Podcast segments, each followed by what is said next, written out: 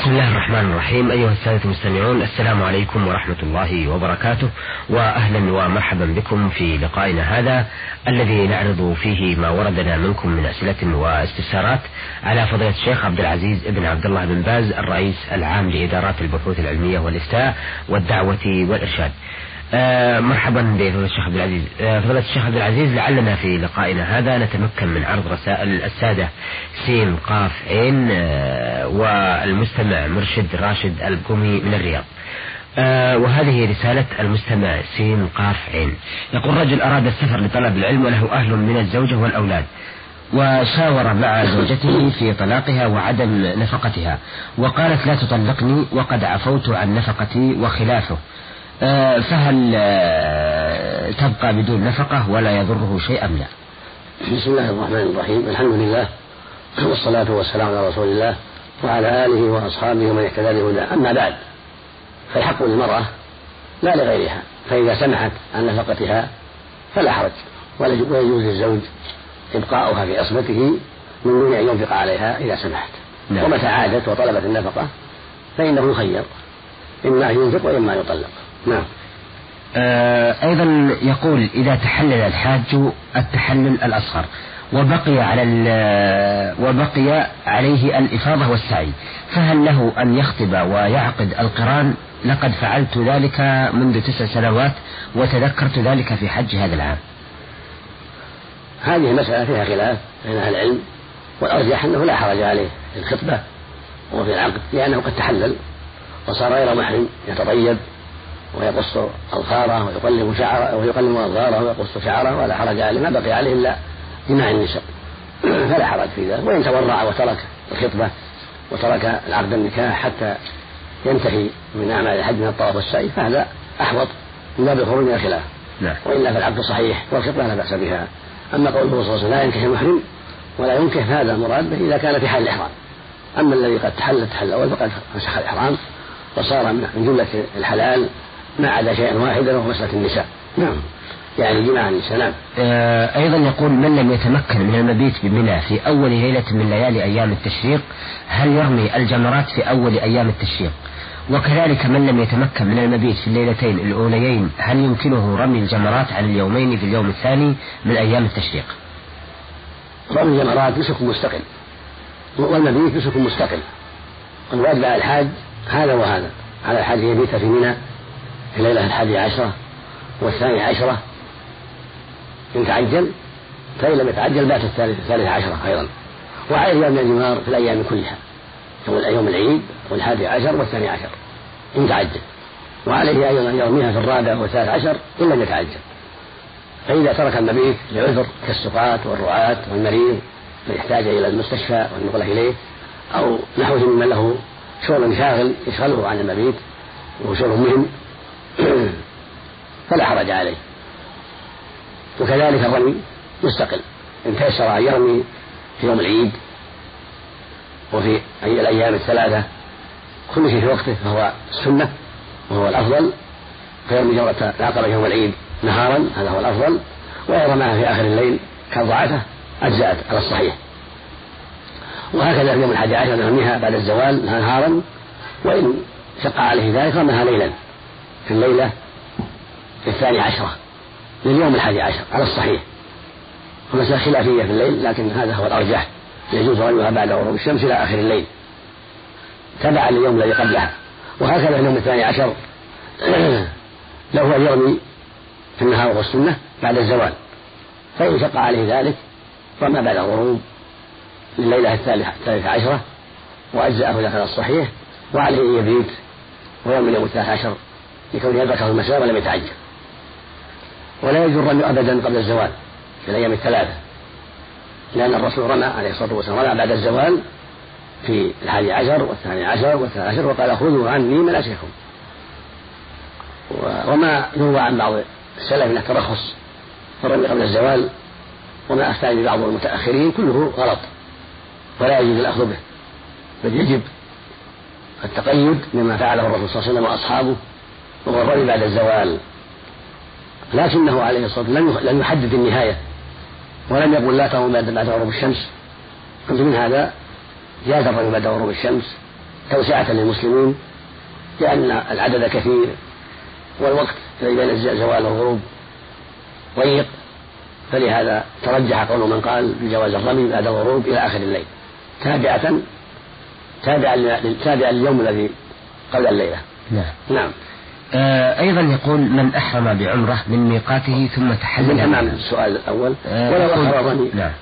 أخر الرمي الحادي عشر إلى الثاني عشر ثم رتبهما بالنية بعد الزوال أو أخر الثاني عشر إلى الثاني عشر ورتبهما بالنية فرمى اليوم الأول كاملا بنيته ثم رمى اليوم الذي بعده كاملا بنيته فلا حرج عند جمع من أهل العلم. ولكن رمي كل في وقته هو الأولى والأفضل نعم. نعم. والعاجز الذي لا يستطيع الرمي يوكل. كما يروى عن يروى عن الصبيان لعجزهم فهكذا يروى عن العجائز الشيوخ الكبار والمرضى وأشباههم من يخشى عليهم من الرمي لما يقع فيه من المزاحمة والمضايقة. نعم. آه، أيضا يقول من أحرم بعمرة من ميقاته ثم تحلل منها بعد أن أداها ثم توجه لزيارة المسجد النبوي بالمدينة وأثنى عودته إلى مكة دخلها بدون إحرام ظنا منه أن الإحرام بالحج يكون يوم التروية من مكة. هذا يقع للناس كثيرا. ظنا منهم أن تحللهم من عمرة كافي ولا حاجة إلى أن يحرموا بعمرة أخرى ولا بحج مبكر. والذي ينبغي في مثل هذا أنه إذا عاد من المدينة يعود بإحرام بحج أو بعمرة. وإذا كان الوقت مبكرا عاد بعمرة ثانية. والعمرة فيها خير عظيم. قال النبي صلى الله عليه وسلم العمرة هي العمرة كفارة لما بينهما. والحج المبرور ليس له جزاء من الجنة. فإذا عاد بعمرة أخرى كان خيرا له. وإن عاد بحج وصبر على البقاء إلى وقت الحج فلا بأس لأنه قد تحلل من عمرة. وإن غلبه إلى عمرة وفسخه إلى عمرة وتحلل منها تحلل منه بعمرة فلا بأس أيضا إذا كان الوقت طويلا. أما عوده بدون إحرام فلا ينبغي لأن ظاهر النصوص يدل على أنه لا بد من إحرام. وهو قوله صلى الله عليه وسلم لما وقت المواقيت هن لهن ولمن أتى عليهن من غير أهلهن ممن أراد حج عمرة وهذا قد قدم من المدينة يريد الحج. فظاهر النص أنه يلزمه الإحرام والقاعدة الشرعية التي عليها جمهور أهل العلم أن من ترك الإحرام من الميقات وهو يلزمه وجب عليه دم يذبح ويوسع في مكة المكرمة. نعم. فهذا وأشباهه إن إن فدوا يعني أهدوا هديا لأنهم تركوا الإحرام فهو أحوط لهم وأولى لظاهر الأدلة وظاهر كلام أهل العلم رحمة الله عليهم. الله سبحانه وتعالى ولا شك أن في الموضوع بعض بعض الشبهة لهم. ولهذا قلنا الأحوط لهم أن يهدوا. نعم. لأن لهم شبهة بأنهم قد حلوا من العمرة وأتوا راجعين إلى مكة لينتظروا الحج. هذه شبهة لهم. فلهذا في وجوب ذلك التوقف. لكن بكل حال إذا أهدوا فهو أولى وأحوط. آه، طيب إذا تجاوز الحاج ميقاته هل له أن يأتي بحج مفرد؟ ما ما وش معناها مثلا لو خرج مثلا للطائف أو للمدينة مثلا خرج للطائف وهو من أهل نجد بعد أن اعتمر العمرة في أشهر الحج فهل له أن يأتي بحج مفرد؟ مثل ما تقدم. نعم. مثل ما تقدم في قصة المدينة إذا جاء من الطائف يحل من ميقات الطائف نعم. بحج أو بعمرة ثانية. لكن إذا جاء من المدينة أو جاء من اليمن أو جاء من الشام أو غيره إذا عاد يحرم من الميقات بعمرة ثانية إذا كان الوقت واسع أو بالحج. لكن لو أحرم بالحج هل يلزمه هذا؟ الصواب أنه أنه يكون متمتعا. نعم. وأن خروجه إلى الطائف أو إلى المدينة ما يخرجه عن التمتع. لأنه في مواضع الحج وفي آه، موسم الحج في أشهر الحج في أشهر الحج على الصحيح. إلا إذا عاد إلى أهله. إذا عاد إلى أهله ثم جاء بحج مفرد هذا يكون مثريا للحج عند الأكثر. لأنه جاء عن عمر رضي الله عنه وابنه أنهما قال في من ذهب إلى أهله ثم عاد بحج أنه ليس بمتمتع وأنه لا هدي عليه لأن ذهابه إلى أهله خروج من رحلة العمرة السابقة وانتقاله منها إلى حاله الطبيعية الأولى ثم عاد بالحج إلى مكة المكرمة فصار حجا مفردا. بخلاف الذي جاء للحج والعمرة وبقي الحج والعمرة لكنه تردد بين المدن المدن المجاورة لمكة والقريبة منها فهذا لم يخرج عن كونه جاء للحج وتمتع إلى الحج. نعم. سؤاله الأخير يقول المسافر بالطائرة الذي لم يحرم إلا من جدة لأن ملابس إحرامه كانت في الحقيبة والحقيبة في مخزن الأمتعة في الطائرة وكان يعتقد أن الإحرام لا يصح إلا بملابس الإحرام. ما الذي عليه؟ جزاكم الله عنا خير الجزاء. الذي جاوز ميقاته وأتى جدة وأحرم منها عليه دم عند أكثر أهل العلم لكونه ترك واجبا عليه من عمرته أو حجه. ولقول ابن عباس رضي الله تعالى عنهما من ترك نسكا أو نسيه فليريق دمه. يروى مرفوعا إلى النبي صلى الله عليه وسلم ويروى موقوفا عليه عن ابن عباس وهو أصح لكنه في حكم الرفع. لأن مثل هذا الكلام تأسيس قاعدة شرعية لا يقال من جهة الرأي. ولهذا أخذ به الجمهور وقالوا على مثل هذا دم لأنه ترك واجبا. ثم ينبغي لمثل هذا أن ينتبه فإذا جاء وقت الإحرام وليس معه ملابس الإحرام يحرز ما عليه. كان عليه السراويل كانت السراويل ونزع القميص والعمامة وجعلهما على جعل بعضها على كتفيه يكفي. ويبقى السراويل السراويل عليه ولا عليه شيء. وإن شاء اتخذ قميصه إزارا حتى يصل إلى جدة وكفى وأزال ما على رأسه. وبهذا يسلم من تجاوز الميقات بغير إحرام ويسلم من الفدية. فإن أحرم على حاله فهو أولى. أحرم على حاله ولم يغير. نعم. فهو أولى من التأخير. لكن إذا أمكنه أن يخلع القميص ويبقى عليه السراويل إذا كان عليه السراويل هذا هو الواجب عليه. يبقى في السراويل ويزيل القميص والعمامة التي على رأسه وهو يخير. إن شاء وضع القميص كذا على كتفيه أو عمامة على كتفيه تقوم مقام الرداء. نعم. وإن شاء ترك. فإذا وصل إلى جدة أمكنه أن يغير. فإن لم يفعل لزمه أن يحرم ولو على ثيابه. هذا التي هي عليه. لزمه أن يحرم.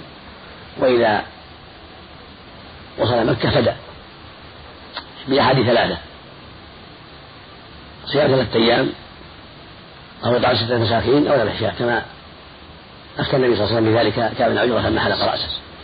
هذا الذي أحرم في ثيابه المخيطة وإمامته ولم يخلعها عليه أن يفدي بهذه بهذه الثلاث. إما صيام ثلاثة أيام وإما ستة مساكين يكون مسكين نصف صاع من التمر أو من الأرض أو نحو أو غيره من قوت البلد وإما ذبح شاة. هذا عن النخيط. ومثل ذلك عن تغطية الرأس إذا لم يكشف رأسه.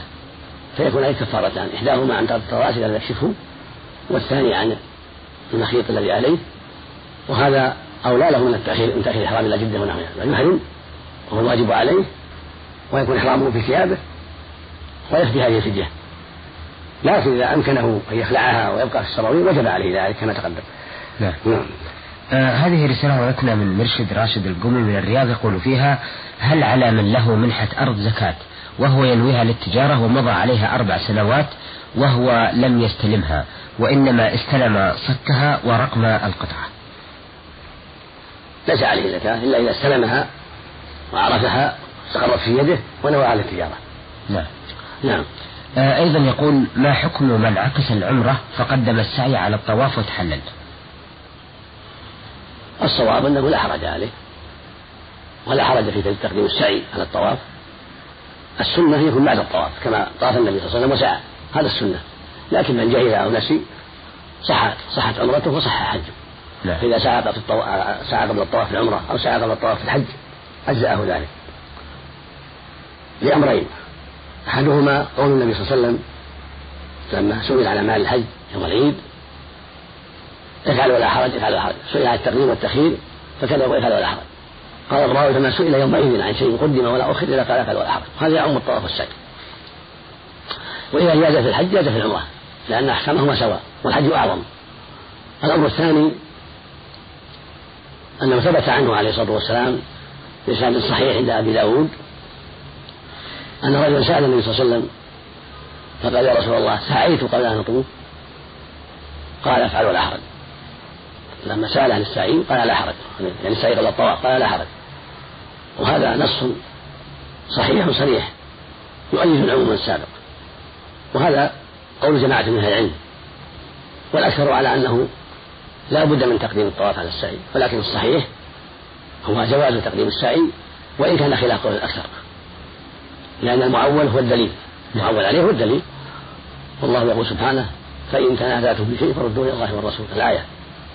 ويقول سبحانه وتعالى وما اختلفتم فيه من شيء فحكمه إلى الله الآية. نعم. شكرا لفضيلة الشيخ عبد العزيز. أيها السادة إلى هنا نأتي إلى نهاية لقائنا هذا الذي عرضنا فيه رسائل السادة السين قاف عين الذي يسأل عن بقاء الزوجة بدون نفقة على ملاك زوجها ويسأل عن عقد القران بعد التحلل الأول. ورسالة المستمع مرشد راشد البقومي من الرياض. آه، عرضنا هذه الأسئلة والاستفسارات على فضيلة الشيخ عبد العزيز بن عبد الله بن باز الرئيس العام لإدارات البحوث العلمية والإفتاء والدعوة والإرشاد. شكرا لفضيلة الشيخ وشكرا لكم أيها الأخوة. إلى أن نلتقي بحضراتكم نستودعكم الله والسلام عليكم ورحمة الله وبركاته.